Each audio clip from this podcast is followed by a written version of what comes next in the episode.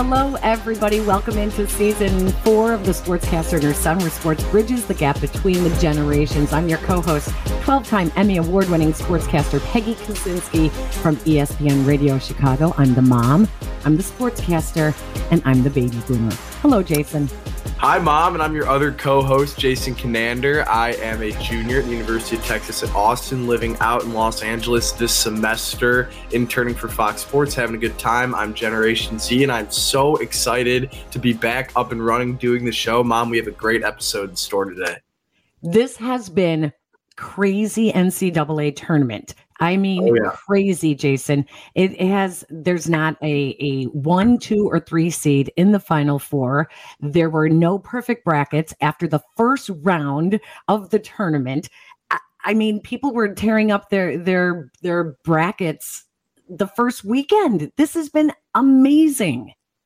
Yeah, no, I mean, it's, it, the, the NCAA tournament is always my favorite sporting event of the year, and I think that this year kind of proved um, there are no seeds one through three in the Final Four. I think that uh, Florida Atlantic being in the Final Four um, in the year where they also pick up their first win in NCAA tournament history, I think is pretty cool as well. And then you also have Miami UConn, and San Diego State rounding out the Final Four. First round was crazy with Purdue losing, David versus Goliath moment with Fairleigh Dickinson taking them down. Second round was crazy as well with Kansas falling, another one seed falling. And, I mean, every round has gotten better. The tournament, the storylines have been great, the players have been great. Uh, in this new era of NIL and transfer portal, uh, it's sort of produced a super high level of competition um, in the NCAA tournament, which is great for the storylines and um, has been really great for those who don't like the tournament being all chalk because now we're going to get a non conventional national champion here in the next week. It's been really fun to root for the underdogs and for those of us who don't tune into college basketball until the tournament. It's been it's been super fun. I was a definitely cheering for Princeton. I thought it was just a, such a fun story. Um, here's the Ivy League with with no scholarships. Uh, I really didn't know um, some of the other schools. I had never heard of them before, which was pretty funny. Fairleigh Dickinson, we had heard of before, um, but this has been really fun. Except Jason, we were all rooting for your Texas Longhorns. I'm so sorry. yeah, no, it was a, it was a great run for Texas. Uh, you know, of course they fell up, they came up a little bit short, as the school usually tends to do. But what an awesome run! And uh, it was super cool. The Sweet 16 win over Xavier was never close at any point. Game against Penn State was a nice little comeback win. Obviously, they avoided getting upset in the first round, and their first round game as a two seed was like a couple minutes after uh, that Princeton and Arizona game had went final. So I remember uh, being at work and just saying to everybody, "Well, good thing the two seed losing in the first round is out of the way, because uh, otherwise I was really worried about it being Texas." And so you know, it was a great run. They were the last seed one through three. Uh, last team seeded uh, on lines one through three to to um, be eliminated from the tournament, which I think is an accomplishment in of itself. Rodney Terry earned the full time job, so can't complain. It was a fun year of Texas basketball, and I always enjoy when the focus is on the sport that I care about. Uh, 12 months out of the year. So that yeah. was enjoyable for a few weeks. And and Jason, this has been a physical tournament. I think yeah. you're seeing the difference with Texas has all those super seniors on it. These are guys who uh, may have transferred before the pandemic or during the pandemic. They missed a year during the pandemic. Uh, they're you have 24 year olds playing against 18 year olds. It has been a very, very physical tournament. Absolutely. Yeah. And I, I, think that, especially in the Texas Miami game, I mean, maybe the game slowed down a little bit in the second half with some of the fouls called, but games have been called close. And, and, uh, I actually saw something that was pretty interesting. There, there, every like almost every single game across the country from November to March had at least one flop warning called, and they haven't called a single flop warning the entire NCAA tournament. So uh, while the games have been more physical, they actually are sort of letting the players play a little bit more, which is good. Um, and it's great for the sport because I think college basketball has a little bit of this reputation of being maybe a little bit more finesse than the NBA and uh, maybe a little bit more of like a sloppy play style. But I've always disagreed with that, and I think that um, sort of the beauty of the college game has been on full display the past couple of weeks. Well, and it, they call it one shining moment after the song that is played. And I'll tell you what, there has been more than one shining moment in this tournament. It has been really fun. Jason, a year ago, he was celebrating the 4A Illinois State Basketball Championship on a 37 and 1 Glenbard West team. I don't know now, what is it, like eight, nine months later? Uh, Ivy League Rookie of the Year honors, um, a Sweet 16 appearance in one of the most historic NCAA tournaments in basketball history. Let's welcome in freshman forward for the Princeton Tigers from Glenbard West. Cade Pierce is joining us here on the Sportscaster and Her Son podcast. Hi, Cade. Good morning. Good morning. Thank you so much for having me.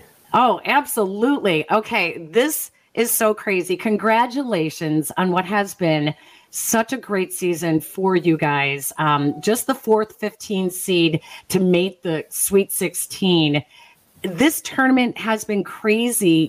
What is it like just to, to be a part of it and to play in it and to realize that you are playing on basketball's biggest stage for the college game. Yeah, it's it's unbelievable. I mean, it's it's what I dreamed of as a kid, honestly, and why I got into basketball, quite frankly. Um, you know, just dreaming of playing in March Madness and you know every year watching the Final Four and seeing one shining moment. That's just what I always wanted to be a part of, and being able to do that this year, and especially representing the school, um, wearing the Princeton on the front of my jersey, it's been unbelievable, and um, I'm so thankful to be a part of it. I want to talk about the Arizona Arizona game first and foremost. Uh, first of all, congratulations on that on that massive win. I entered at Fox Sports and we were watching the game live, and everyone couldn't believe it. So many people had Arizona winning it all, and I didn't, so I was pretty happy about it. But anyway, I think that what people don't really talk about so much with the upsets, you focus on the final score on the court, but what really makes an upset is the preparation. So tell us a little bit about uh, sort of the film watching and the game plan that went into preparing to take down Arizona. Yeah, absolutely. Um, you know, preparing for Arizona was we kind of did the same thing we always do. Um, you know, the coaches do a great job of preparing us to win every single game, uh, whether it's with, with the scouting report and, you know, knowing their actions and plays and stuff like that and their personnel. And so we kind of did what we always do. Um, but this time I feel like we were a little bit, not, not so disadvantaged, but it was more so. Um, so we came off the, the Ivy League tournament, finished on the Sunday, and we played on Thursday and I believe Arizona had a couple more days to rest, but I could I could be wrong on that. But um, so it was it was a little different, but um, you know, going that week, that Monday and Tuesday, we really locked in on um, the scouting report and their their personnel, and then we practiced pretty hard on Tuesday, and then our game was on Thursday, and so it was. Um, we, we felt really confident going into the game, and you know we, we knew if we played Princeton basketball, we, we would be all right at the end of it. A lot of the players say that uh, r- really quick mom a lot of the players say that there's like there's nothing that you can do to sort of describe what it's like when the ball's tipped and you're on the court and you're in that ncaa tournament regional arena. So what what is it like and how are you able to stay composed? Because pulling off an upset like that truly is a 40 minute wire to wire effort. Yeah absolutely. Going into the game you know it's it's kind of you're a little antsy and anxious and nervous a little bit and then at least for me, as soon as the ball went up, you know, all the nerves left my body. I realized it was just another game at the end of the day. You know, I've played probably a thousand basketball games in my life, and you know what makes this one any different? It's just a little bit bigger of a stage. So uh, I went into it with that mentality, and you know, it definitely helped me. As soon as the ball went up, I, I really just focused on playing basketball and doing this playing this game that I've, I've loved for so many years. So it's pretty simple. Kate, I'm probably more like your parents. I remember Princeton basketball as Pete Carril, the motion offense. They that's where they introduced it, you know, to college basketball and kind of you know stunned the world, you know, back then. What is this version of Princeton basketball now? Yeah, absolutely. This version of Princeton basketball, it definitely still has still has ties to you know Coach Carril and the Princeton offense. Uh, we still run kind of the same same actions, same motion, and um, it, but it's at the end of the day, it's really about all five guys playing as one, playing together, and just taking what the defense gives you and just getting the best shot you possibly can. So, and then on the other end, defensively, it's just being tough and guarding and um, winning your one-on-one matchup. And so, um, those keys it's really it's it's quite simple at the end of the day, but those keys are what made us successful. I want to I want to follow up on that with the defense. Jason and I were just talking. Cade, I cannot believe how physical this tournament is this year. I mean, it's like there's men in the game and then there's some young boys in the game. It is really physical. Did did you were you at all surprised at how physical the game is now? Yeah, it's it's definitely a physical game. Um, and you know, I think I think that's partly due to just you know the transfer portal and the COVID and the COVID years and the extra years of eligibility. I think guys nowadays are so much older than they were a couple years back, and so yeah, it's it's certainly intimidating sometimes. You know, I'm 18 years old and I'm going out there sometimes against 24, maybe 25 year olds. Uh, right. Uh, so so that's that's definitely a little uh, something I'm not used to, but. Um, you know, I feel like I've I've done a good job in the weight room and eating and putting on some weight, and so I feel like I can I can hang a little bit uh, in, in, in the physicality standpoint. Caden, your coach Mitch Henderson uh, has a great deal of NCAA tournament experience. He was a player um, on one of the more historic Princeton basketball teams. What's it like having somebody in that huddle who sort of has a context of being in that moment before, especially in the first round game when you're pulling off a come from behind win, timeouts late in the game, close score? You know, what's he saying? How is he keeping you guys composed when you're trying to pull off an upset? Yeah, absolutely. I think Coach Henderson has been. It's it's it's amazing that he's been so successful in his playing career and now his coaching career too. And it really just makes us players trust him even more just because at the end of the day we when he's yelling at us or getting on us and stuff like that, you know, we can't like look at him like like what are you talking about cuz we know that he's been there and he's done this and he's been more successful than even we have. So uh, we really respect him and uh, he's been a great coach for me um, to this point so far. And you know, definitely like you were saying in the huddle, he just he just has such a calming um, sense about him, and it's just it's so unique because like the stage is so big, but while we're in the huddle, it just feels so calm, and that he he, he always emphasizes that we're going to win the game.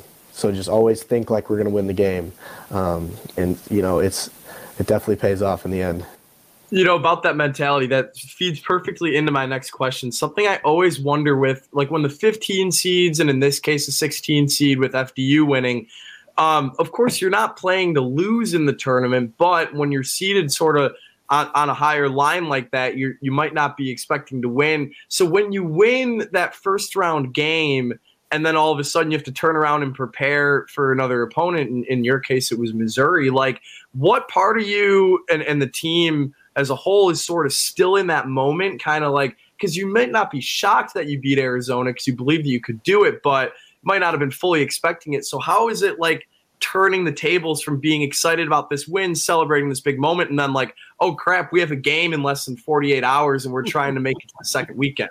Yeah, it, it was definitely a challenge. Um, I mean, like you were saying, we we definitely believed we could beat Arizona, and so when we did beat them.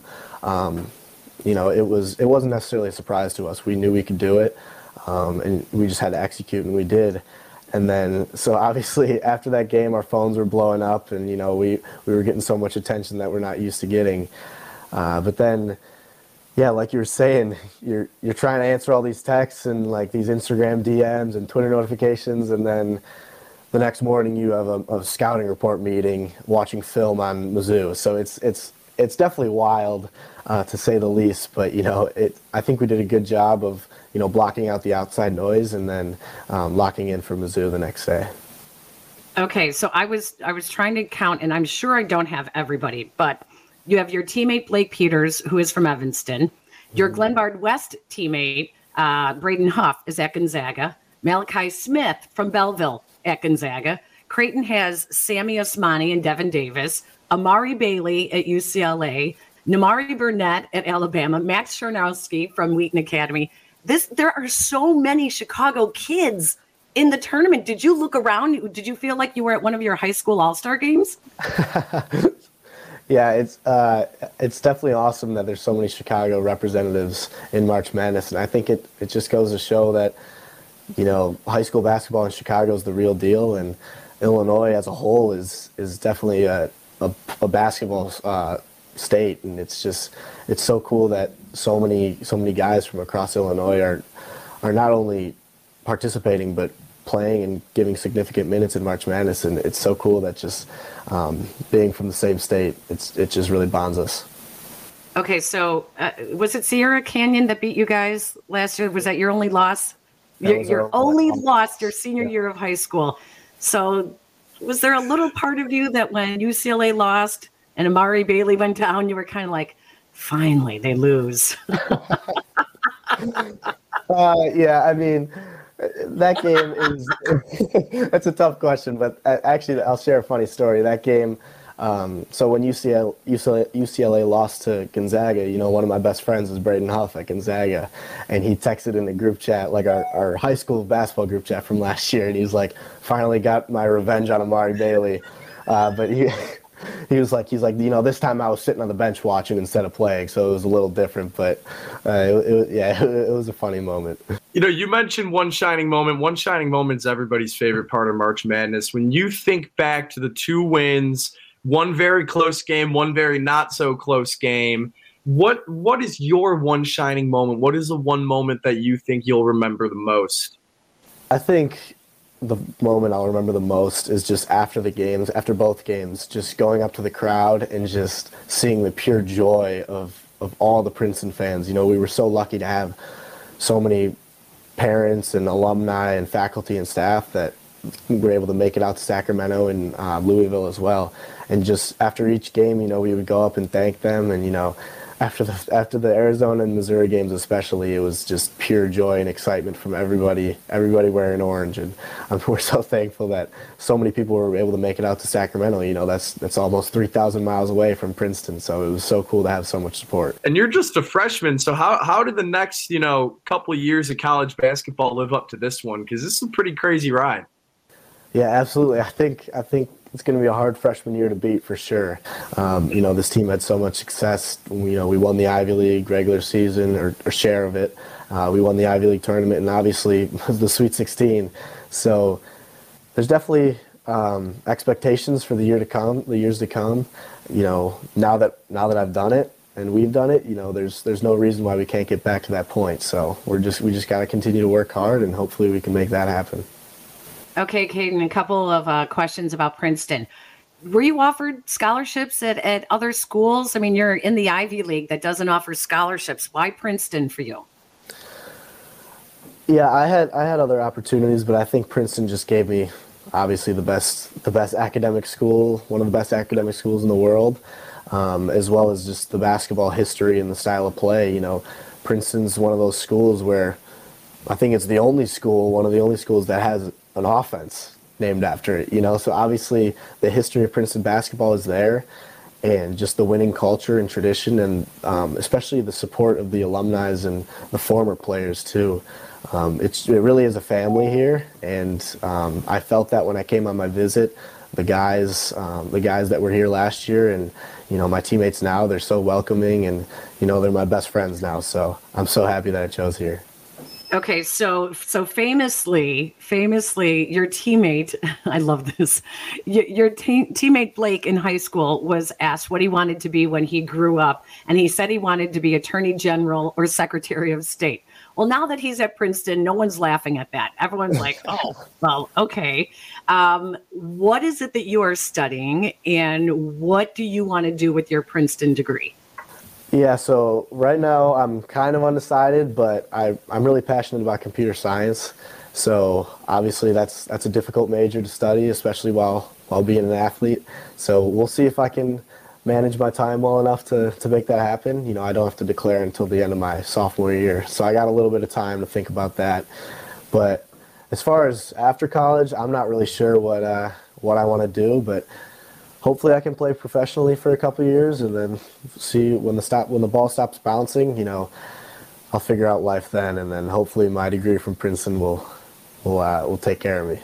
Well, we, we do have to argue a little bit with you. Jason likes to call UT Austin uh, the Ivy League of the South. So that's, I do not. I have never called it that. I don't think. And and Cade, his twin brother, goes to Cornell. Goes, goes, to the public Ivy League school. Yeah, the, the worst of all the Ivy League schools. That's terrible. That is terrible. Um, no, seriously though, I did want to ask you about your family.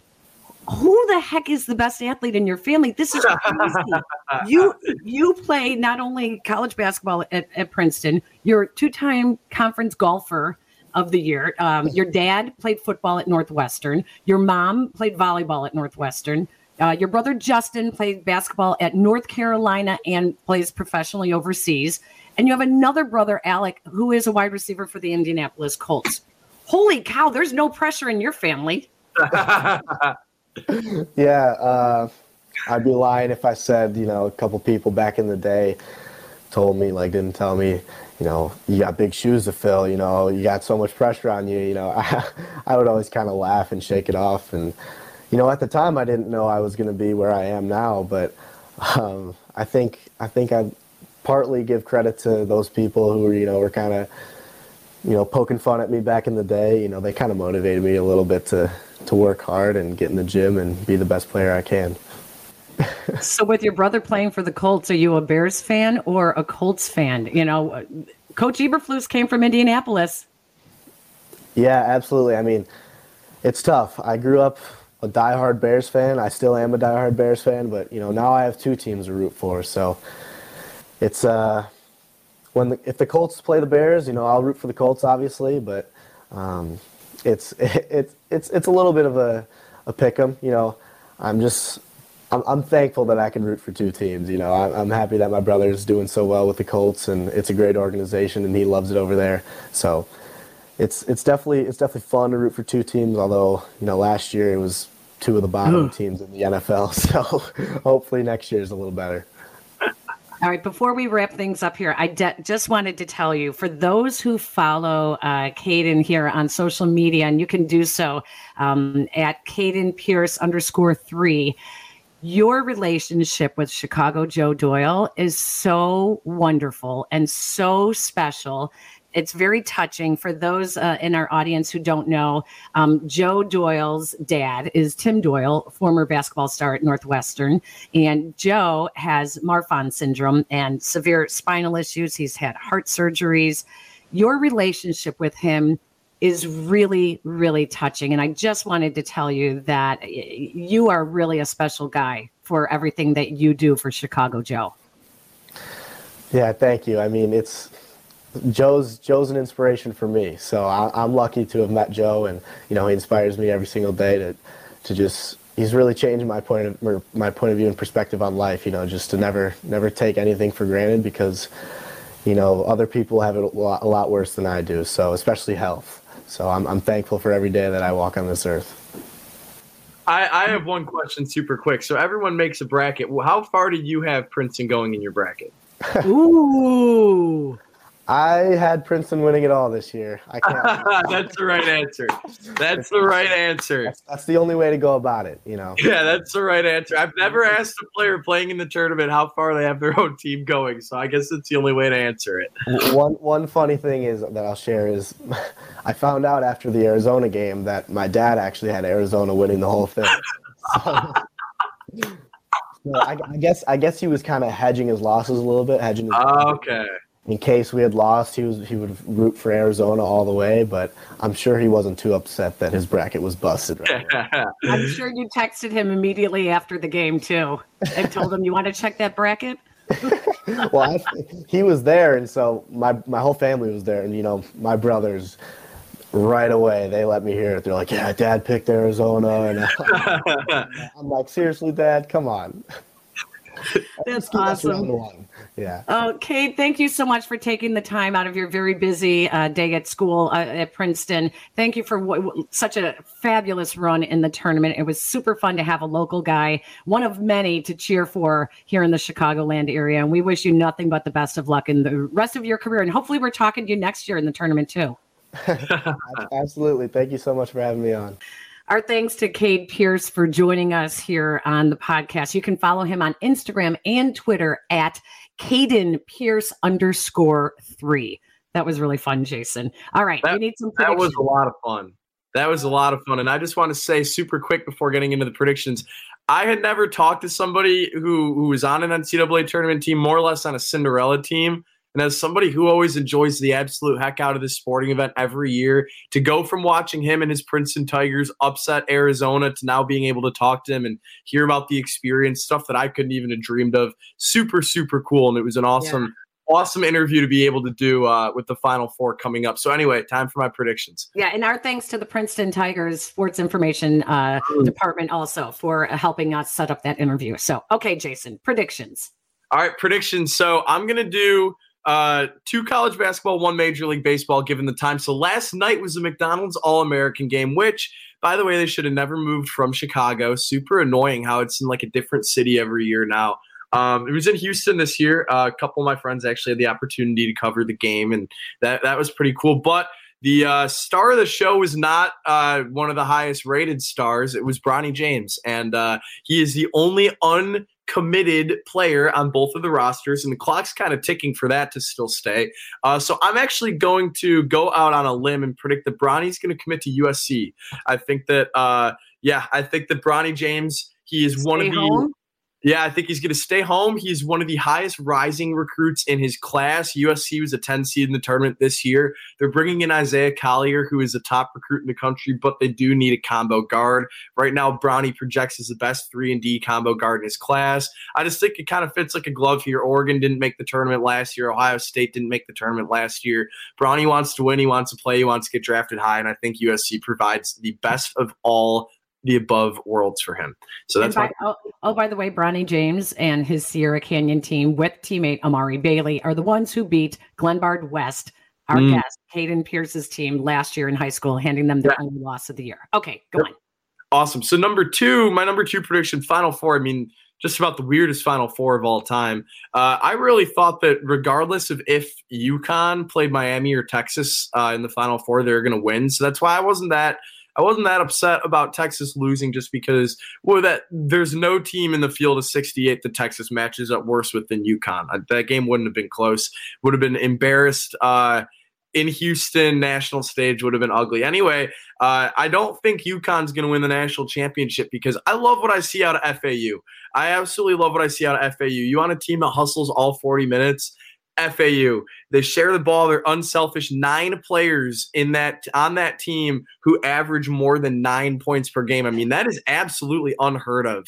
Um, and so I think the FAU they play S- SDSU uh, in the first half of the Final Four uh, on Saturday. I think they're going to win that one. And then if they play UConn on Monday, should be an absolute dogfight, hustle fest. Two the most deep teams in the country. Fun coaching matchup.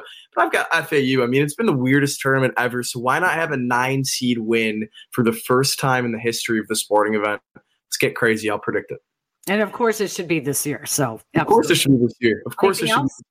Yeah, number three. Um, of course, you know you talk about Texas getting eliminated from the tournament, uh, as if my my frustration with sports, you know, wasn't going to grow at all. The White Sox season starts in a couple of days. Uh, it actually starts tomorrow, and so uh, I'm going to predict that they're not going to win the AL Central this year. You know, I've been I've been reading uh, some predictions, and last year was really weird. Every single outlet had the White Sox like far and away winning the Central, and then they really didn't win the Central. And uh, this year, a lot of the outlets are a whole lot more pessimistic on the White Sox, which I agree with. So I'm going to say no playoff baseball on the South side. And if this catches you by surprise, then I'm sorry, it shouldn't. Uh, no playoff baseball on the North side either. I don't. I don't think the Cubs. I mean that who would who would start a playoff game for the Cubs if they made if they played in the playoffs? I mean, I no starting pitcher one through five in that rotation is capable of starting a postseason game, in my opinion, and that alone is enough reason to to tell y'all that the Cubs aren't making the playoffs this year. But neither wow. are the White it doesn't matter. okay. Well, spring has sprung. That means baseball is on the horizon. The summer is right around the corner. We're looking forward to um, just a, a, refreshing new beginnings with spring. It's all about new beginnings. It's new beginnings for us here on the podcast with the new season. Uh, so we want to thank everyone who has been following us over the years. Uh, those of you who have come over to the ESPN Chicago app, we thank you very much for doing that as well. Thank you to Jake Cantu, our producer on the ESPN Chicago Chicago app. Our thanks also to Caden Pierce. You can follow him on Instagram and on Twitter at Caden Pierce underscore three. Jason, if people like this episode, uh, people like this episode, you can write like. Sorry, it's been a little while. like, rate, and subscribe. That helps us out a lot, helps out the algorithm. You can also follow us on Twitter at TSAHS Pod. Uh, going to be posted up a little bit more on there. Mom, it's super nice to be back. Hopefully, we can do this a little bit more often. I love it. Thanks for joining us, everybody. Jason, great job. We'll see you home from um, you're you're right around the corner from Westwood campus of UCLA. Um, from Texas to UCLA. We'll see you back here in the Chicagoland area pretty soon. It's been it's been a busy spring, but I'm super excited to be back in the swing of things, and it's been a good experience being out in LA. But uh, you know, once you add another city to the list, it makes you kind of miss home a little bit more. So I'm certainly looking forward to summer back home in Chicago pretty soon. That'll do it. Thank you for joining us, everybody. Until next time, have a great time. Enjoy your spring weather, everybody. So long.